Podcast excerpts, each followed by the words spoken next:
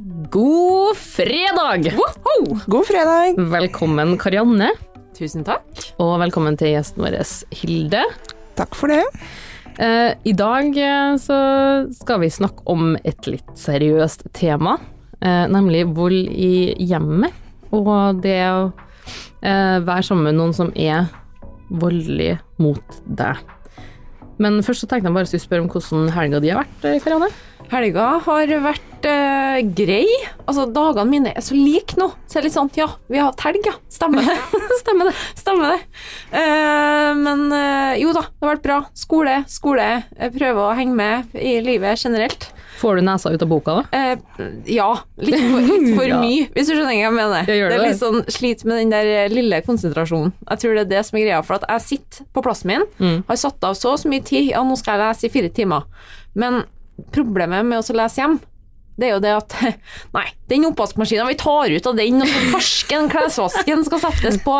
To do-lista jeg har, Ja, liksom. ja, ja. Og så har jeg liksom lest da i hermetegn i fire timer, men jeg har liksom kommet ja, ett avsnitt ned i boka, så må jeg lese alt på nytt igjen. Ja. Eh, ikke at det er så mye, da, men eh, det har vært litt sånne dager, så jeg Ja. kjenner at jeg er litt preget. Så jeg må godt å komme hit i dag. Jeg kan relatere til det. Jeg har nylig vært student sjøl, og da måtte jeg bare til slutt følge eh, BI-strukturen. 45 minutter på, kvarter av. Ok, Det du har fått sånn tips, du, for det har ikke jeg, skjønner Ja, de gjør det i timene der. At du, de, du sitter oh, ja. og følger med i 45 minutter, så er det et kvarter pause. 45 minutter, et kvarter pause.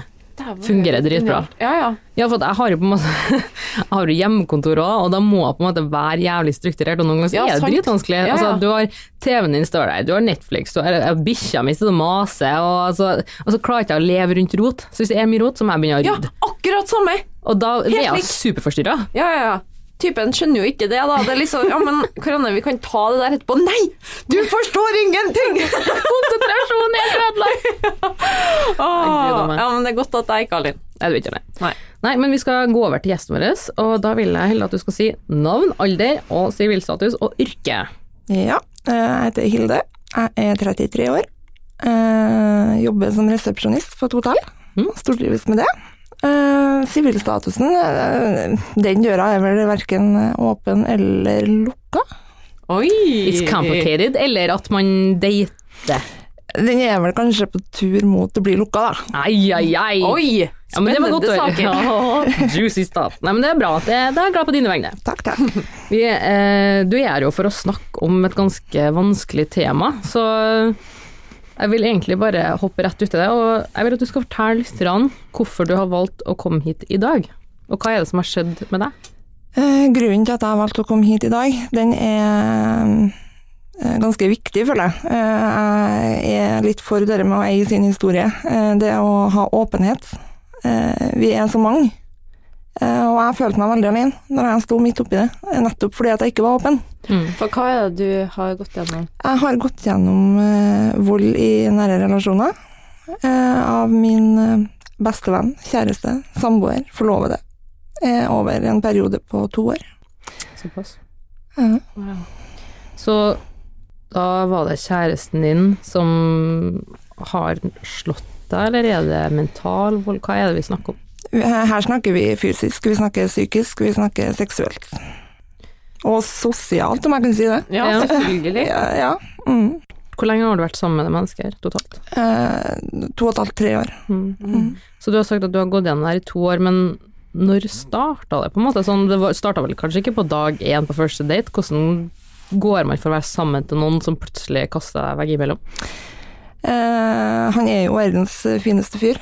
Eh, veldig sjarmerende, eh, utrolig hyggelig, veldig snill. Men han har sitt, eh, som vi alle har.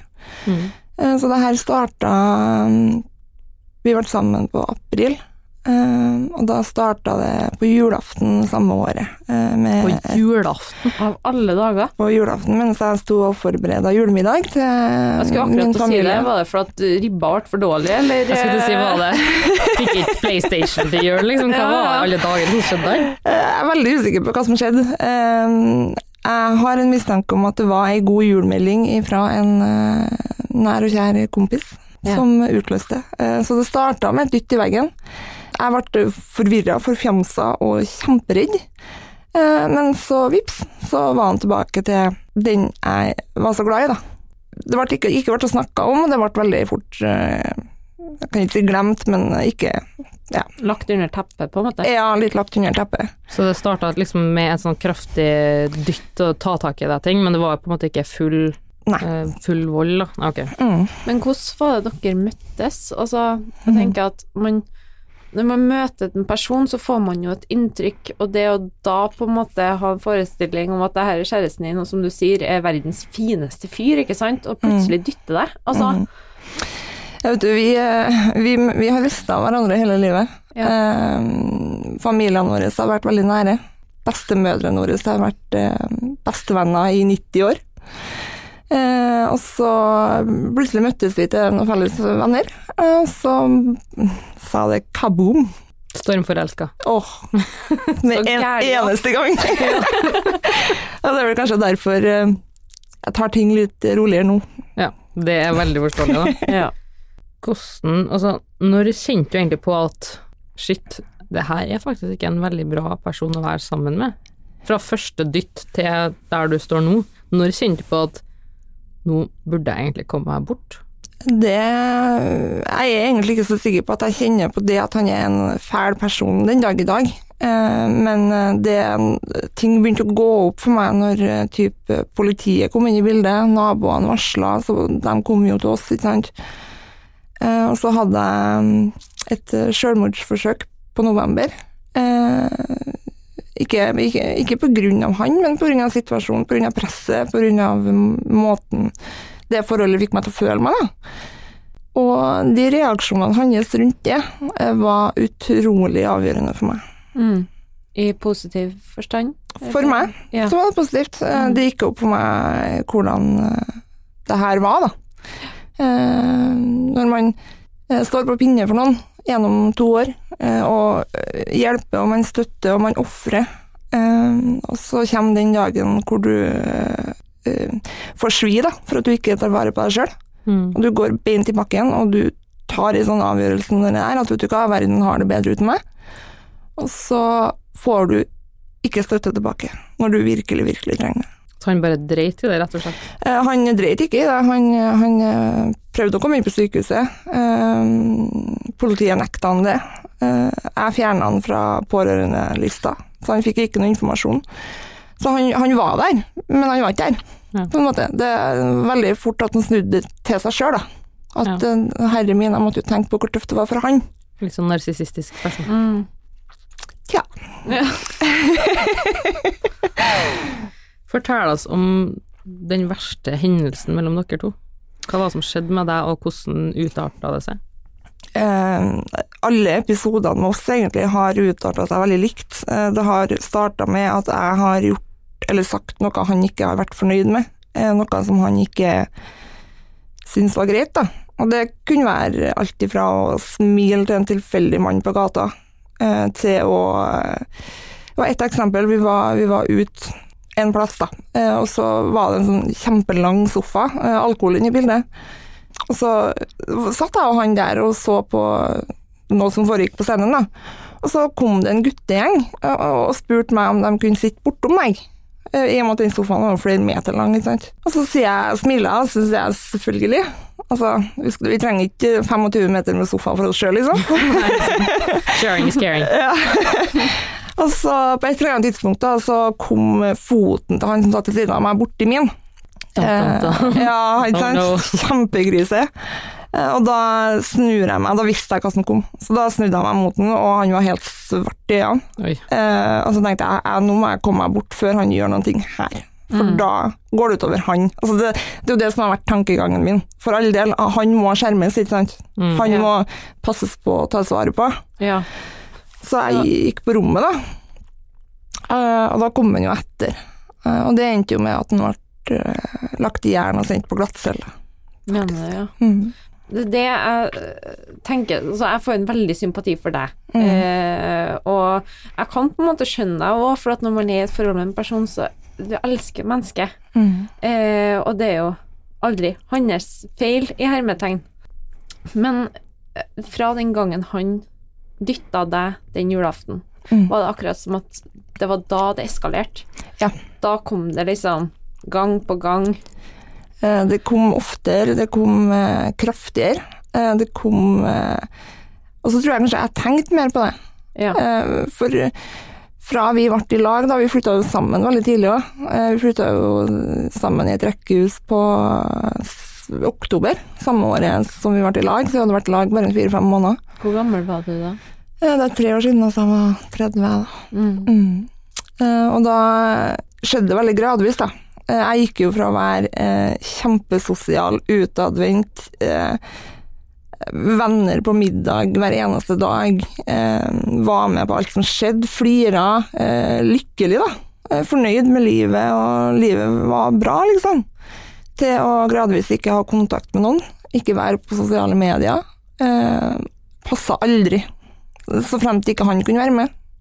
For det var han som bestemte da, på en måte at du ikke fikk lov til å være på sosiale medier og ha besøk og Jeg kunne være det, men jeg visste jo hva det endte med. da. Hvis jeg hadde vært, hvis jeg hadde likt noe eh, som han mente at eh, det her er jo ikke greit, så ble det jo ganske heftig. For det må jo være en sånn psykisk Han må jo ha overbevist deg, eller manipulert deg, det er det ordet jeg leter etter, på en måte sånn at du hadde tenkt at det her er naturlig. Mm. For at for meg da, som hører det her, så tenker jeg herlighet, du må, måtte ha gått en varsellampe. Men du sitter jo her, og du er jo ikke dum, på en måte. Det, det jo, han må jo på en måte ha tvista noe inni hodet ditt, sånn at du tenker at ok, det er greit. Mm. Jeg har, For det første så behandla han meg som en prinsesse. Eh, han var jo helt Altså, han fikk meg til å føle Nei, på alle måter, ikke sant. Det var, Ja. det var gaver, det var fine meldinger. Han ringte meg når han var på jobb, han savna meg, han eh, strøyk på meg, han tok vare på meg. han... eh, har, altså, helt fantastisk, ikke sant. Altså, du, du går så rett inn i det, da, og du blir så sinnssykt blind. Ja. Du bare, du bare lukker alt, ikke sant. Kanskje han på en måte visste litt dårlig samvittighet med å gjøre det da, jeg vet ikke. Nei, og så tror jeg han hadde ting han sleit med, da, som han ikke, ikke delte med meg til å begynne med. eh, Som jeg ikke, kanskje ikke var så veldig klar over at han hadde vært gjennom og gått gjennom. Så det starta jo eh, Varsellampene blinka litt grann når arbeidsgiveren hans eh, ga uttrykk for at eh, det er noe som ikke stemmer. Hva er det som skjer? På jobb òg, da. på jobb, i jobbsituasjonen. Men det som var så rart da, var at når han kom hjem, så tenkte jeg herregud, hva er det han bare blir? Ja. Fyren er jo eh, helt normal, ikke sant? Han det er jo ikke noe verst. Jeg så ingenting. Men så hadde vi en periode etter det dyttet på julaften hvor eh, vi begynte å nå bort i april, eh, og da eh, ga jeg ham et ultimatum om at nå må du enten eh, få deg noen å snakke med, eh, eller så må jeg fære. Fordi at jeg kan ikke stå her og se på at du skal ha det sånn. Den dag i dag så er jeg ganske sikker på at hadde han fått uh, riktig hjelp tidlig, så hadde ikke det her skjedd. Og når du sier det her, er det bruddet da, eller Nei, det, da- er det vold, det er den, uh, Ja. den biten, for uh, Altså før han møtte deg, at han hadde fått hjelp tidligere? Ja, uh, for han, han, har hatt, han har hatt det tøft, han òg. og jeg tror med handa på hjertet at det finnes ikke et menneske på denne jorda som gjør noe sånt, fordi at det gir dem en god følelse. Nei, der er jeg enig, faktisk. Det, jeg tror det ligger noe bak bestandig. Kan jeg spørre deg, har du prøvd å slå opp med en flere ganger? Åh, Og hvor mange ganger i så fall? Det er mange ganger. Jeg har flytta fra han til meg. Uh, endte opp med å flytte sammen igjen. Uh, jeg har prøvd å vært uh, sagt det på en ordentlig måte, ansikt til ansikt. Jeg har vræla i telefonen til han og sagt altså, hold deg unna meg, jeg er ferdig. Jeg har prøvd å være skitkjerring. Så godt det har latt seg gjort. Skikkelig skitkjerring. Sånn der eh, Når jeg har sagt at eh, det her går ikke mer, og så sier han ja, men elsker ikke meg, så er det sånn nei. Fuck you! Fuck you, man! Ja, men jeg, jeg, jeg har prøvd veldig mye, da. Men, men så er det de følelsene, det er dere du, Jeg i hvert fall har glemt at han Jeg jeg glemte alt det onde. Det får jeg litt igjen for nå. Og så er det på en måte, som du sier, så var han jo til tider fantastisk, og da tenker man jo kanskje at jeg kan jo ikke finne noe bedre enn han her. Nei, og jeg fikk jo også litt innprinta det at jeg kom jo aldri til å få noen andre heller. Nei, Eh, det var liksom enten han eller ensomheten. Sånn Eh, manipulerende strør sånn små frø i hodet på ikke sant?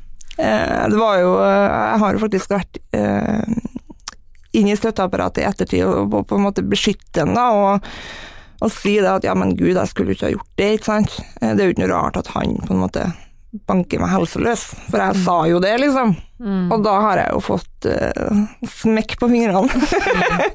og den tanken uh, må jeg prøve å plukke av meg, da. Mm. Har du snakka med politiet og anmeldt han flere ganger, eller er det bare Har du bare latt det gå? Eh, politiet har vært inne i bildet, og de eh, har anmeldt han sjøl, da.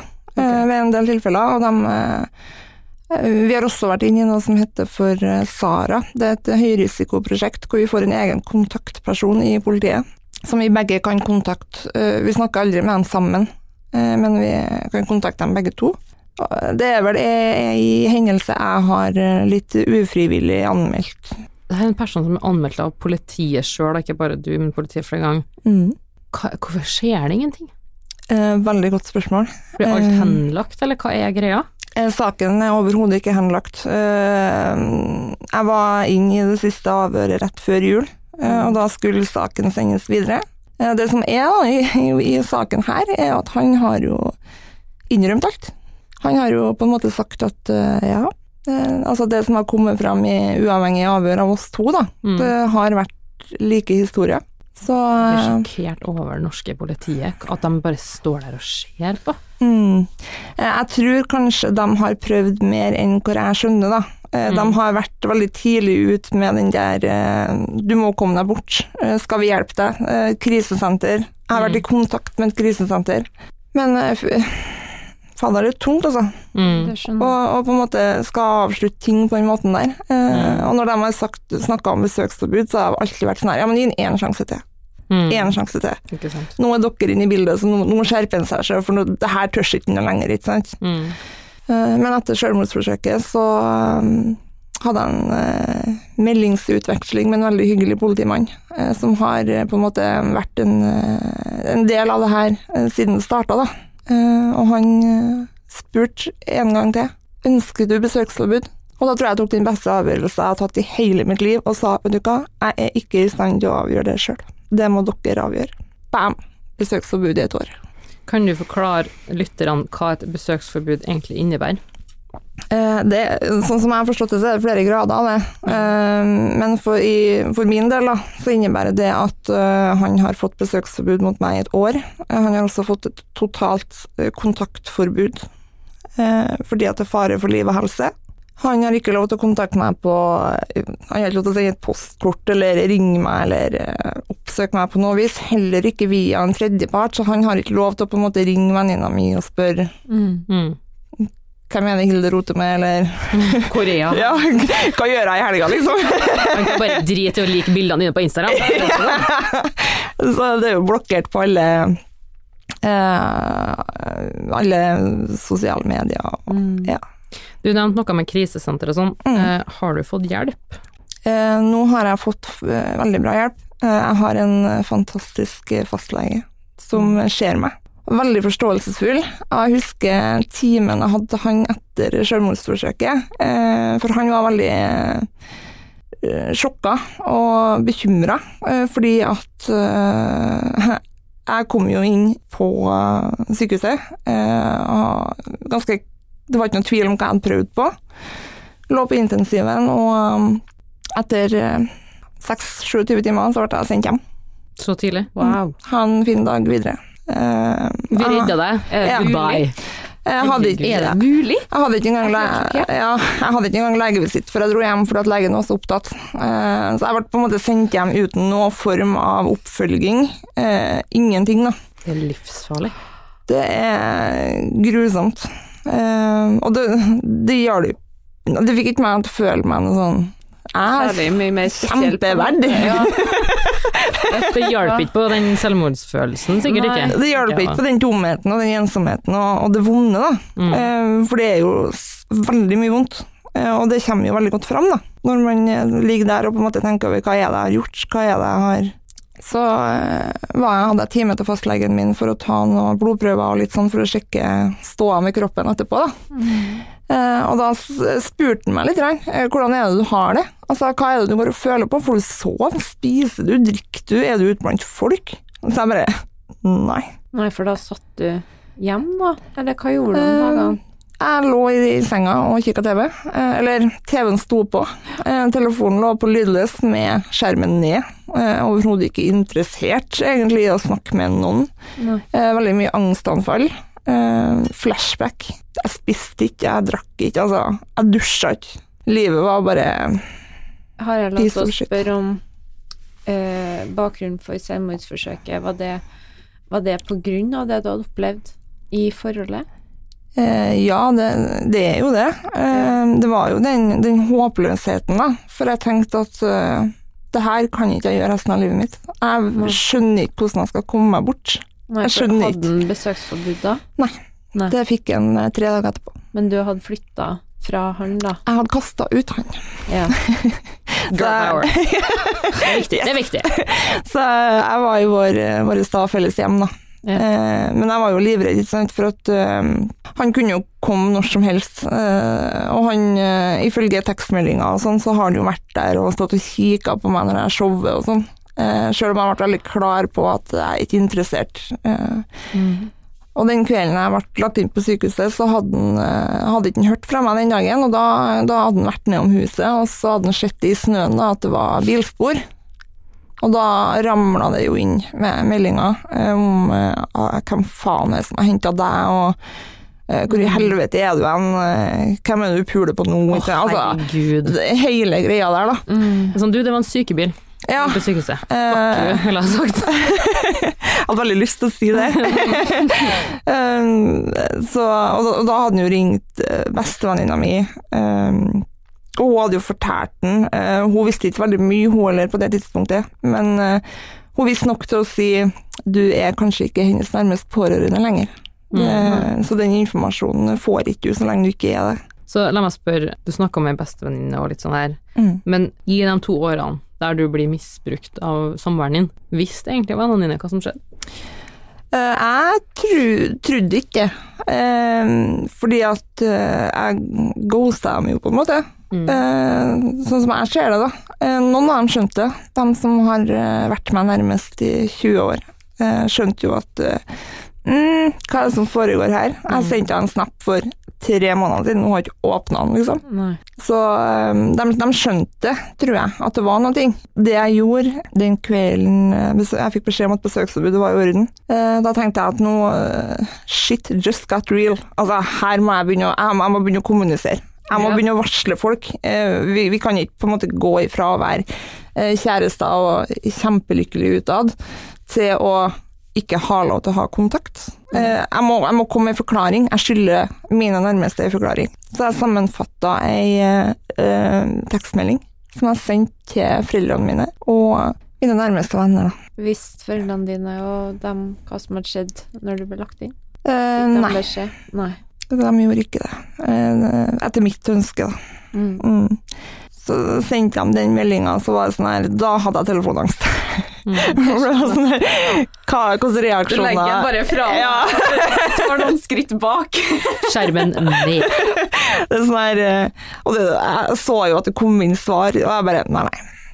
Ikke klar for å lese det der. Eh, for jeg var så redd for at de skulle si Ja, men eh, du fortjente vel, da? Mm. Fordi det var det jeg var forberedt på å få høre, fordi at det er det jeg har fått hørt. Hva Mm. skrev du i den meldinga, da?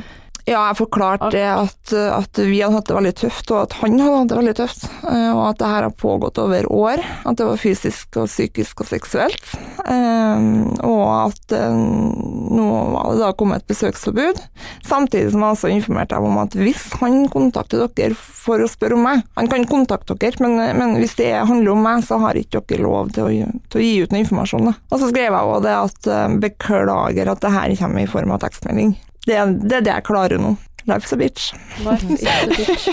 Men hos, Altså, du har jo kanskje vært på det dypeste et menneske kan gjennomgå. Altså, Mm. det å ta et selvmordsforsøk, det er jo det, er jo det um, vondeste man kan oppleve. Hva var det som fikk deg ut?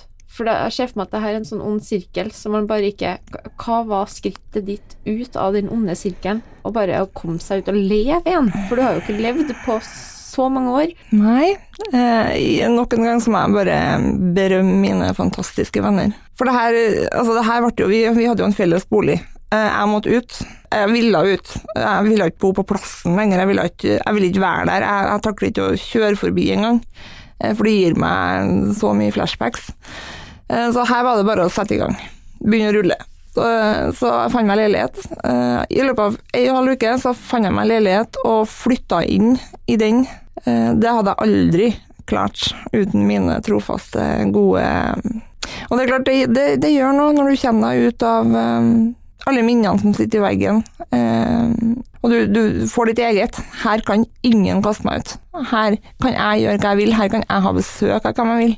Så makta er tilbake i ditt hjørne. Ja, jeg tok, tok tak i livet mitt, da. Og en måned etter besøksforbudet så var, hadde jeg julelunsj med mine fantastiske foreldre og bonusforeldre her i byen. Jeg var på julemarked og kosa oss, og så hadde jeg meg en prat med, med pappa og bonusmamma etterpå. Så sier pappa det at eh, vi har jo sett at det har vært noe. Det er jo ikke normalt at, at han henger over deg så fort du trykker på telefonen. Det er jo ikke normalt at ting er sånn, men vi har liksom ikke klart å sette fingeren på det. Og når du heller ikke har sagt noen ting, så har det vært veldig vanskelig for oss. Mm. Og så ser han på meg, og så har han det kjempelure smilet sitt, og så sier han men fy faen, du ser bra ut nå. Yes! Så jeg bare Takk, pappa. I love you, dad. Yes, den løfta meg Jeg vet ikke, ja. Eh, Så jeg, har rett og slett tatt, eh, tatt den avgjørelsen om at eh, jeg må ut.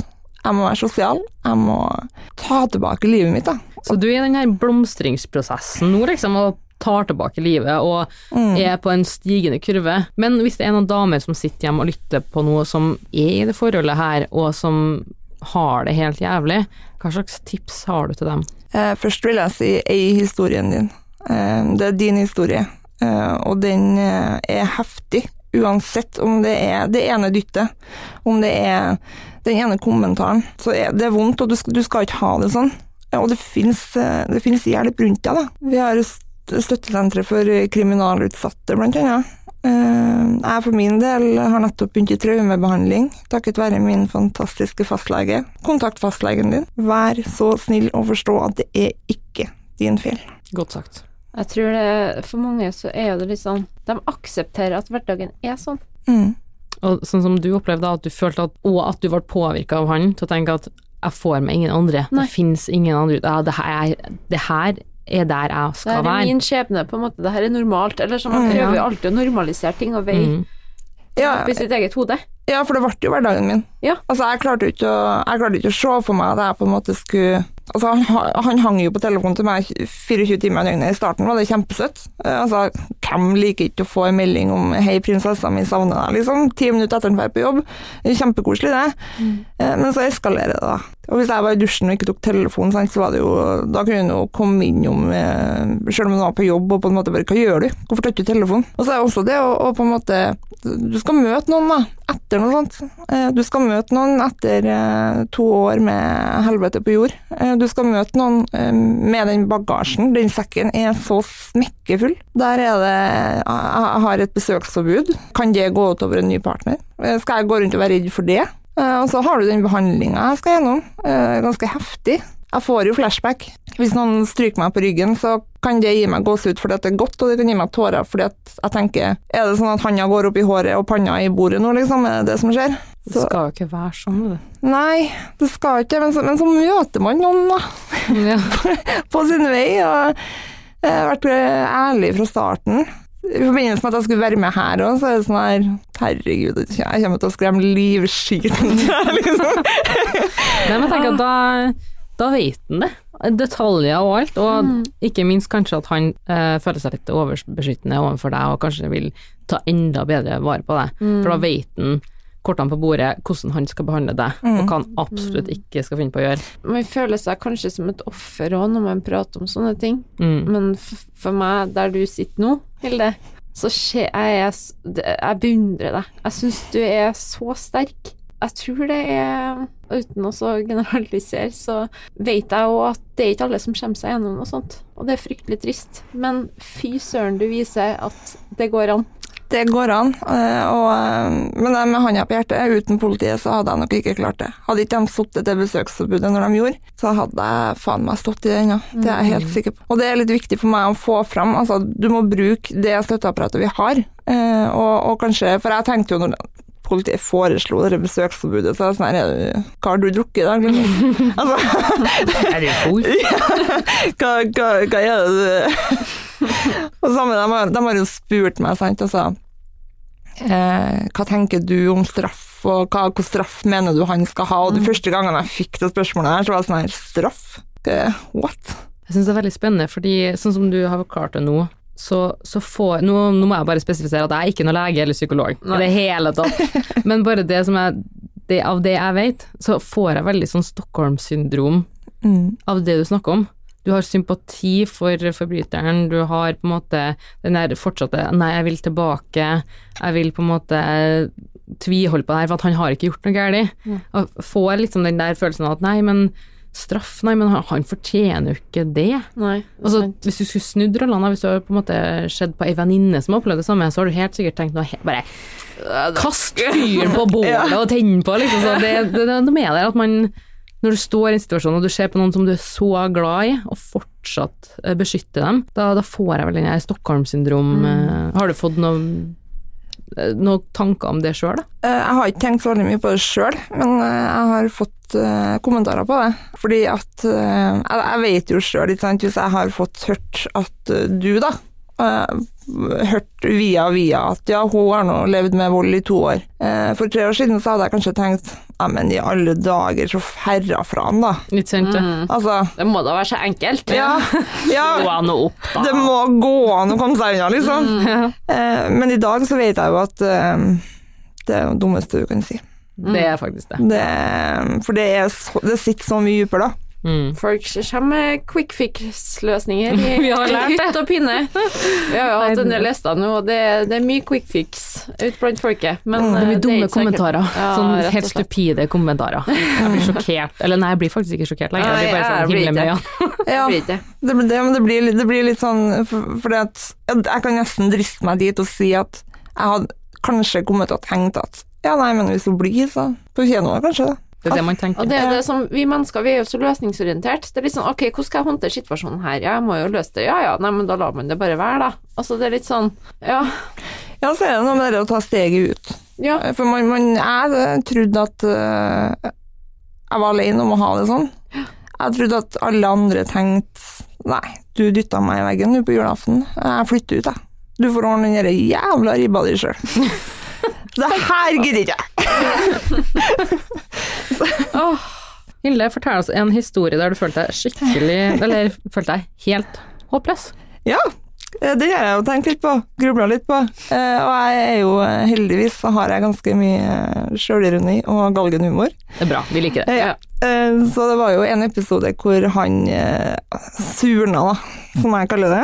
Eh, så tenkte jeg at nå, nå er jeg så skytelig. Og så prøvde jeg å ha på meg Gå og bytte klær, da. For jeg hadde sånn grå joggebukse med knær og t-skjorte, stor T-skjorte og ikke noe BH og barfot og alt det der. ikke sant? Ja, det hørtes deilig ut. Veldig digg. Ja. Eh, og så eskalerte det kjempefort det der. Så prøvde jeg å eh, komme meg ut. sjans å gå ut hoveddøra. Jeg fikk ikke med meg sko, ikke sant. Nei, for du skulle skifte, og så kom han og klekka. Ja, og så måtte jeg bare komme meg ut og bort, da. Herregud, jeg bare ser det for meg. Eh, Vi bodde jo da midt i et boligfelt. Eh, Så det jeg gjorde da, jeg tenkte at jeg kom meg ut til slutt da, barfot i den latterlig sexy eh, joggebuksa med puppene på frie, ikke sant? Og så tenkte jeg, hvor skal jeg gå hen nå da? For jeg kjente ikke så veldig mange der. Og så ser jeg på meg selv og bare, jeg, kan jo ikke gå en plass hvor det er folk. så det jeg gjorde da, var at jeg gikk til noen naboer eh, som eh, delvis visste litt om situasjonen. Og da kom jeg altså der eh, i det fantastiske antrekket, og tårene rant og snørra, ikke sant? og så ikke ut. Og de holdt på ut, for det var våren der.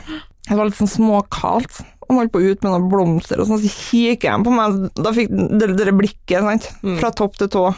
Hodet bare ja. Og de bare Hæ? Hva er det som skjer? Og det var, De tok meg jo inn, det var jo helt fantastisk eh, gode samtaler. Enda mer tårer og snørr, ikke sant. Og du vet når øynene ser ut som sånn, sånn Hamsterøyne. Ja, sånn badering rundt øynene, sant. Eh, så måtte jeg jo hjem på et tidspunkt, da. Jeg kunne ikke sitte der. Så de bare Ja, skal du låne sko, eller? Skal Nei, nei, det, det går fint. Trenger ikke. Så da tusla jeg jo hjem igjen, da. Mm. Ja, da møtte jeg jo selvfølgelig en gjeng med ungdommer. Eh, gutter. Fantastisk. og så tenkte jeg, hva tenker dere om meg? Helt håpløst. Ja, helt håpløst. Åh. Kjempegodt at du har så gode naboer. Herlighet. Nei, eh, vet du, Hilde, jeg hyller deg at du faktisk står frem og får frem historien din. For som eh, du nevnte oss før du kom inn, at det er så mye mørketall. Mm. Det er mange som ikke tør å stå fram, det er mange som ikke tør å gjøre noe med situasjonen, for at de tror at de er bundet i det her helvetet og tror at det her er normalt. Mm. Mm. Det er akkurat det. At de ikke får seg noe bedre. At Mm. det er litt sånn Ja ja, det her var nå livet mitt, da. Aksepterer litt, på en måte. Ja. Men vi lover dere, folkens, gresset er grønne på andre sida. Dere skal ikke tåle hva som helst. Nei. Det er ingen i hele verden som skal røre deg på en voldelig måte. Det er ingen som skal mentalt terrorisere deg heller og fortelle deg hvordan du skal leve livet ditt. Du er ikke verdt noen ting. Det er absolutt ikke sant. Du er verdt noen ting. Ta kontakt med krisesenter nær deg. Ta kontakt med vennene dine. Ring foreldrene dine om du har noen i nærheten, eller familie, eller hvem som helst. Snakk med nabokjerringa. Folk kommer til å hjelpe deg. Du må bare tørre å strekke ut hånda. Hadde du akseptert at din beste venninne hadde blitt behandla på den måten som du blir? Hvis at det er vold, så ville du mest sannsynlig sagt nei. Du skal være din beste venn. Altså, du får ett liv. Du får ett liv. Så har jeg en liten oppfordring til mannen i gata, egentlig. Jeg kan takke min fantastiske nabo for at politiet i hele tatt ble kobla inn. Hun hørte at jeg skreik og ropte på hjelp, og hun eh, ringte politiet. Ikke vær redd for å hjelpe. Det er bedre, bedre at de kommer en gang for mye enn en gang for lite. Amen. Amen. Kunne ikke ha sagt det bedre sjøl. Vi skal begynne å runde av, så Hilde, tusen, tusen, tusen takk for at du kom og sto fram. Virkelig, det her Mm. er så viktig. Tusen takk for at jeg fikk komme. Det var kjempehyggelig.